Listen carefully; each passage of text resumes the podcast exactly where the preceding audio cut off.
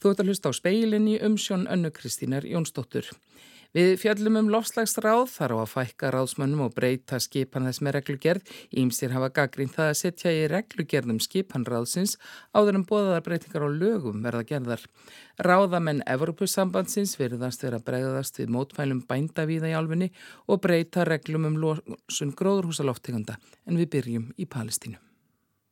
Fjórir mánuðir eru í dag frá því að um það byrð 3000 vigamenn Hamas samtakanna og fleiri hermdarverka hópa og gasa réðust inn í Ísraeli skjólinætur og myrtu þar á 1200 manns, aðalega almenna borgara. Margir særðust. Vigamennirnir tóku að því er talið er 250 manns í gíslingu og hafðu með sér yfir á gasa. Stjórnvaldi í Ísrael héttu grimmilegum hemdum þegar í stað. Hamas samtökin yrðu þurkuð út og gíslarnir frelsaðir. Fjórum mánuðum síðar berjast Hamas menn og aðrir viga hópar palestinumanna enn við Ísraels herr. Rúmlega 100 gíslar hafa fengið frelsi, en eru 132 í haldi á Gaza að sögn Ísraels manna þar á meðal lík 29 gísla sem enn hefur ekki verið samið um að verið sendi yfir til Ísraels. Loftarásir og landhernaður á Gaza hefur gert landslutan nánast óbyggilegan. Samkvæmt yfirliti sem arabiska sjónvarps frettastöðin Al Jazeera byrti í dag hafa yfir 360.000 mannabústaðir verið skemdir eða eðilagðir síðan hernaðar aðgerðirnar hófust. 390 skólar eru skemdir og 267 moskur. 13 sjúkrahús af 35 eru enn starfandi. 122 sjúkrabílar eru skemmtir eða ónýtir eftir árásir og 11 bakari hafa eðilagst. Sjónvarpstöðin hvaðist hafa heimildir fyrir þessu frá Alþjóða helbriðistofnunni, samaræmingarstofu aðgerða saminuðu þjóðana í mannúðarmálum og ríkisfjölmiðlinum á Gaza. Hilbriðisraðunettið á Gaza greindi frá því í dag að 27.708 hefðu fallið frá því að stríðið brast á. Yfir 67.000 hefðu særst. Einnig kom fram að flytja erði eh, sem fyrst all, eh, yfir 11.000 sjúka og særða íbúa landslutans á brott svo að hægt yrði að bjarga lífið þeirra og gera það sárum. Um það byl 350.000 manns þurfa á lífsnöðsynlegum livjum að halda. En palestínumenn falla víðar en á Gaza. Amnesty International sendi frá sér fretti vikunni þar sem sagði að á meðan allra augu væri á gasa færi ofbeldi sífælt vaksandi gegn palestínumannum á hernumdu svæðunum á vesturbakkanum.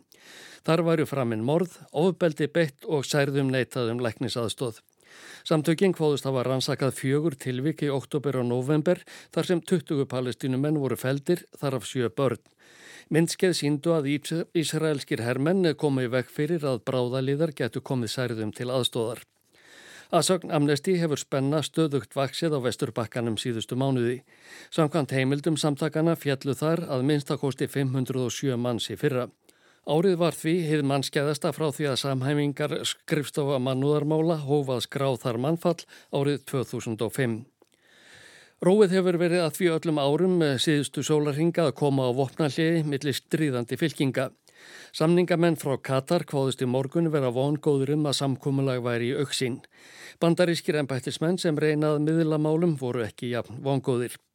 Antoni Blinkan, utanríkis ráð þeirra bandaríkjana, er komin til mið Östurlanda í fymta sinn frá því að stríðið braust út.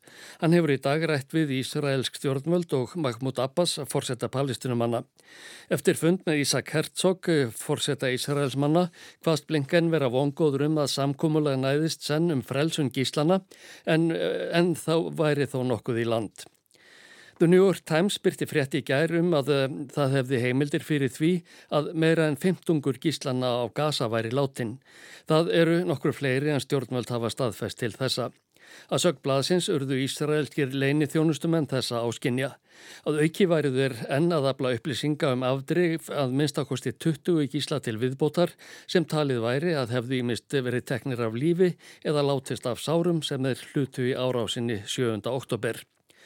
Að sög New York Times eiga þessi nýjustu tíðindi um örlu gíslana að líkjundum eftir að ebla enn frekar og annaf í almennra borgara með framistöðu Ísraelskra stjórnvalda. Ættingjar gíslana hafi gaggrind framgungu hersins harðilega og sagt hann að stopna lífi ástvinna þeirra í hættu. Mótmæli að undanförnu síni að gjáinn stækki sífælt millir þeirra sem vilja semja við Hamas um að gíslarnir verði látnir lausir og hinna sem krefjast þess að gengið verði endanlega millir bóls og höfuðs á samtökunum. Ísraelskir fjölmiðlar segja að ágreiningur sé innan stjórnarinnar um hver langt eigi að ganga til þess að gíslunum verði sleft. Í greiningu dagbladsins Haaretz á ástandinu segir í dag að Benjamin Netanyahu forsættisráþara hafi í raun fórnað lífið þeirra fyrir innandum slagorð og pólitískan ávinning. Hann endur tæki sífælt að barist verði þar til fullnaðar sigur hafi unnist en í rauninni sé hann fyrst og fremst að berjast fyrir pólitískri tilveru sinni. Ásker Tómasson tók saman.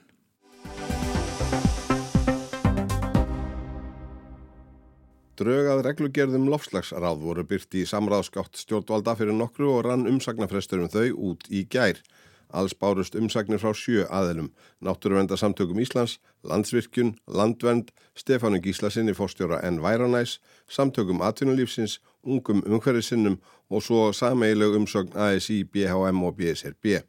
Í draugunum er lagt til að ráðinu verði að hámarki nýju fulltrúar, þar af fjórir tilnemdir af hagaðilum, eitt frá atvinnulífinu, annar úr háskólasamfélaginu, sá þriði frá sveitarfélögum og sá fjórði frá náttúruvendarsamtökum. Ráð þeirra skal skipa formann og varaformann og er heimilt að skipa þrjá fulltrúa til viðbótar sem nöðsynlegt er talið að eigi sæti í ráðinu. Um hlutverk ráðsinn segir að það skulle veita stjórnvöldum aðhald og ráðgjöf um stefnumarkandi ákvarðanir og markmið Íslands sem tengjast lofslagsmálum. Það skulle geta óhlutdregni og vera sjálfstækt í störfum sínum. Þá eru geð ákveðin hæfni viðmið til fulltrúa í ráðinu og hveðið á um að þeir skulle hafa sérþekkingu á minnst einum af sjö tilteknum málaflokkum á sviði lofslagsmála og áherslaði lögð á að fullskipað búi ráðið yfir þekkingu á öllum sjö málaflokkum. Landsvirkjun fagnar því að gera í lofslagsráð faglegra en kallar eftir nánæri útværslu á þeirri greinreglugerðarinnar sem hveður á um samráð við hagsmunaðila. Samtök atvinnulífsins taka í samastreng en telja óraun hæft að gera kröfu um að fólk sem skipa sér í lofslagsráð þurfi að uppfylla ákveðin hæfni viðmið þar sem það takmarki valkosti þeirra sem tilnefna fulltrúa í það. Allir aðrir sem sendu en umsökk gaggrína hins vegar að ekki séu gerðan meiri og skýrari kröfur um sérfræði þekkingu þeirra sem í ráðinu sitja. Finnur Ríkard Andrason er formaður ungra umhverfið sinna. Já, okkur mati á, á lofstasráð að vera fagráð fyrst og fremst þar sé að það að vera skipað einstaklingum sem eru sérfræðingar á sviðu lofstasmála uh, og, og þurfa þar að vera með breyða þekkingu til þess að koma til móts við allir sjónumið sem þarf að taka Eh, inn í ákvörðanatökum um lostasmál. Eh, það er greiðilega mikilvægt að svona ráð sé sérfræðingar ráð eh, að því að öll ákvörðanataka á að byggja á bestu fánlu vísindum þegar kemur á lostasmálum. Og þegar að ráðinu er háttað svona eins og umhverfisráður að leggur fram í þeim draugum og reglíkjar sem likir nú fyrir, þá er mjög erfitt að koma í vekk fyrir það að þeir einstaklingar sem eru tilnemdir í ráðið frá ákveðnum hagsmunahópum starfi í þáu þeirra hagsmuna sem, að, sem að þeir koma frá heldur uh, ættu þau náttúrulega frekar að, að starfa á grundul sinna þekkingar en það er mjög erfitt að tryggja það með núverandi fyrirkommalegi sem lagt til. Sú grein bóðaðar reglugerðar sem hveður á um hæfni viðmið og þekkingu þeirra sem skipa skali loslagsráð gengur einfallega ekki nógu langt að mati ungra ungverði sinna. Nei, við teljum þetta er ekki, ekki vera fullnægndi fyrirkommalag uh, vegna þess að, að þetta þrengir svo möguleikana til þess að fá fremstu sérfræðinga inn í ráðið og það sem við viljum auðvitað er eins stert loslasráð og mögulegt er.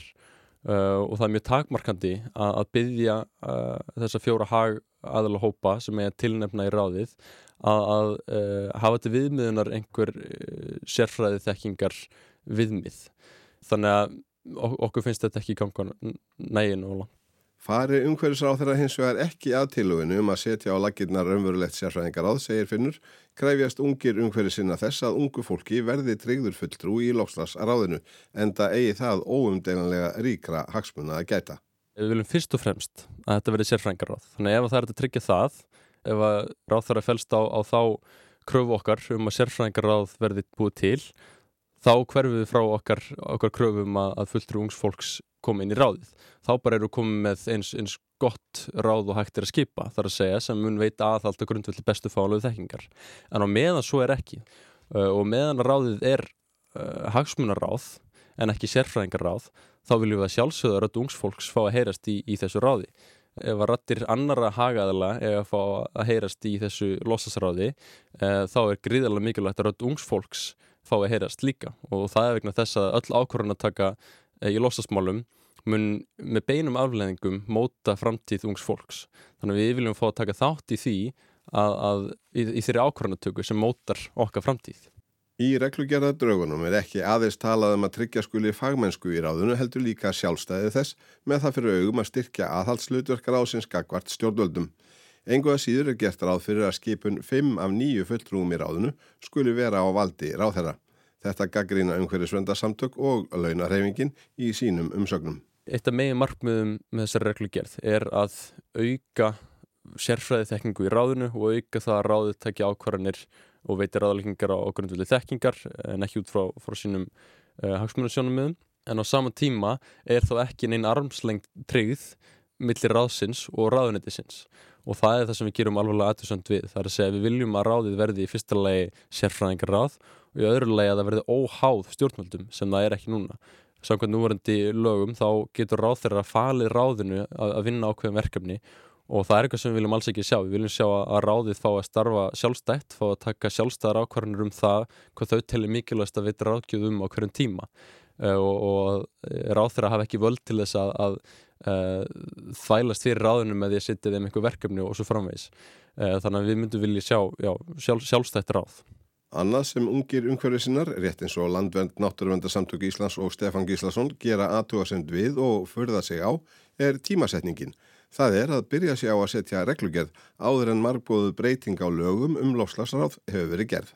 Það sem okkur myndi finnast mun eðlulegra í raun er að lögum um lofslagsmál og ákvaðum um, um uh, lofslagsráð sem, sem eru í þeim lögum, uh, þeim ætti að breyta fyrst. Það er að segja, það er búið að bóða í stjórnarsáttmála ríkistjórnarinnar að það endur skoða hlutverk og samsetningu lofslagsráðs uh, og, og það er leið fyrir núna í, í, í rúm tvö ár en samt verður ekkert verið gert í því og, og núna áttamánum frá því átt að skipa losasráð á ný þá var það enn ekki verið gert og, og í staðin fyrir að uppfæra laugin og skipa svo nýtt ráð á grundveldi nýra laga uh, þá er farið í að, að leggja fram þessa reglugerð uh, sem að verður það einhvers konar skrítin blanda af hagsmunarráði og sérfræðingarráði og við sjáum það að í þeim tilvíkum sem að svona ráð hafa verið til starfa í öðrum löndum þá bara hefur þeirra eh, aðhaldslutverk eh, ekki verið nógu stert. Þannig að þau ná ekki sinna þeirri skildu sem að ráðinu ber að sinna ganga stjórnvöldum. Það er að segja að veita þeim aðhald til þess að tryggja stjórnvöld grípi til fullnægindi aðgerða í lofslagsmálum sem að svo sannarlega er ekki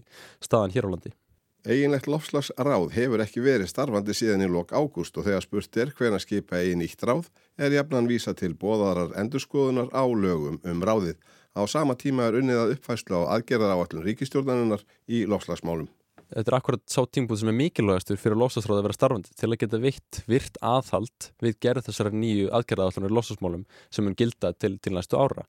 Þannig við vitum í raun ekki hvað hefur verið gert í þessum málum í raðanöndinu mjög lengi. Það skortur oft eh, upplýsingagjöf varandi hvar málur eru stött en það sem að kann að skýra þetta er í raun uh, að stjórnsíslan okkar í, í losasmálum er mjög veik og þetta er eitthvað sem að, sem að skýrslur margar bæðið frá losasráði og öðrum aðlum hafa ítrekka bent á.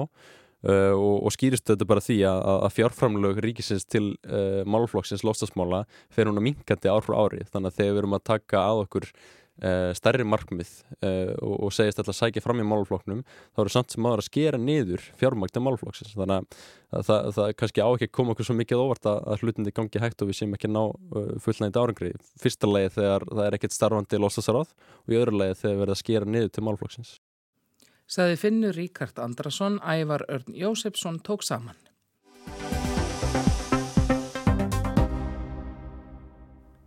Víðtæk og fjölmenn mótmæli evropskra bænda undanfattan daga og vikur verðast hafa náð eirum leðtoga og ráðamanna í Evropasambandinu. Þeir tilkynntu í gærum breytingar á tillögum sem eða því að draga úr losun gróðurhúsalofteganda á næstu árum og áratugum.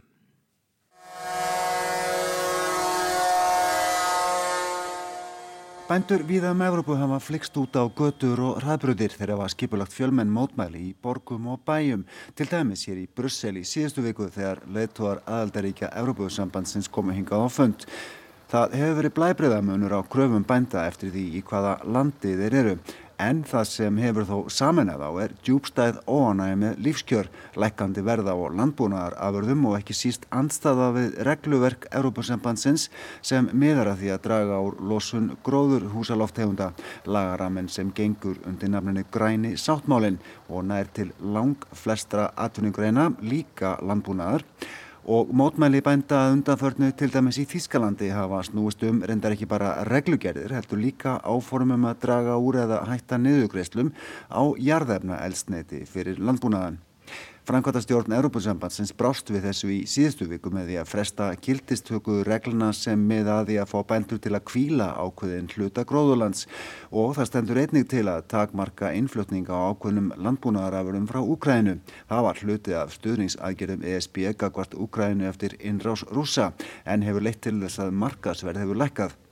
Í gær dróð svo aftur til tíðinda þegar frangvandastjórnin byrti tillögur sínar um markmiði í lofslagsmálum sem ganga út á að minka losun gróðrúsaloftegunda um 90% til ásins 2040 með við losun árið 1990.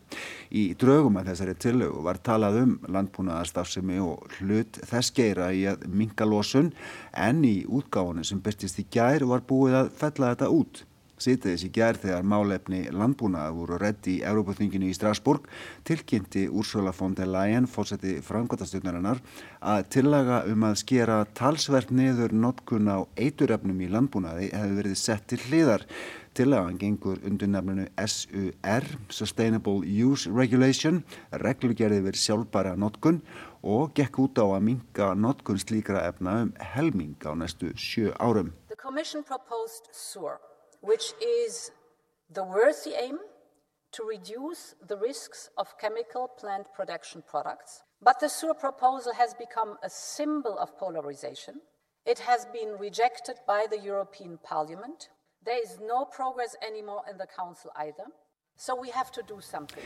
Þetta er verðug tillaga, sagði von der Leyen á Evrópuþinginu í ger, en tillagan er áriðin að tákni um djúbstæðar deilur. Evrópuþingið hefur hafnaðinni, sömuleiðis ráþæraráðið, sagði von der Leyen og bættiði líka við að tillagan þyrti meira samráð áður en hún er lögð aftur fram. Í dag kom svo enn einn eftirgjöfun gagvart kröfum bænda. Núna í ræðu sem Maros Sefcovic var að fósetti frangatastjóðarinnar hjælt í lok umræðu í Evrópuþinginu um landbúnað á meðan bændur mótmæltu fyrir utan. Again, I would like to be uh, clear and following this uh, debate, uh, I would like uh, to confirm uh, that um, uh, Commission assessment is that the conditions for the conclusion of Mercosur agreement are not met. Ég staðfesti að framkvæmtastjórnum telur að skilirðum fyrir að ljúka Mercosur samningnum er ekki til staðar, sæði Sefcovic. Hann átti þarna við fríveitlanarsamning Európa-sambandsins við fjögur ríki í Suður Ameríku sem var samkvæmt fréttum tilbúin til undirskriftar í síðustu viku. Bændur viða í Evrópu þar á meðal í Fraklandi hafa gaggrind þennan samning og stjórnvöld í París fenguði framgengt í síðustu viku að honum yrði frestað. Mótmæli bænda hafa vakið mikla aðtikli síðustu daga og vikur og skoðanakannanir hafa sínt að almenningur í mörgum aðeldaríkjum Európa-sambandsins hefur mikla samúð með málstæðira. En það er ekki eina ástæðan fyrir óvanalega skjótum viðbröðum við mörgum af kröfum þeirra. Það eru nefnilega kostningar til Evrópaþingsins í júni og harlínuflokkar til hægri, til dæmis í Fraklandi og Þískalandi hafa stokkið á vagnin eða stokkið á traktoruna, svo má segja, og tekið undir kröfur bænda og gaggrinni þeirra á stjórnvöld og Evrópasambandið. Það er líka hægt að líta á þessi mótmæli sem hluta af vaksandi anstöðu margvíslegra hagsmunaabla við græna sáttmálan og það er aðgerið sem þefur tega verið ráðist í og áaráðast í til að minka losun gróðurhúsalofthefunda með því að breyðast skjótt við hávarum kröfum bænda núna er Evrópusambandið mögulega að reyna að minka líkotnar á að svipaðar kröfur í öðrum atvinningareinum fái þann hljómgrunn sem bændur hafa fengið að undarfernu. Björn Malmqvist saði frá. Og fleiri er ekki í speiklinum að sinni, tæknimaður var Mark Eldredd, ég minna á hægt að hlusta á speilin í spilararúf og helstu hlaðarsveitum, veriði sæl.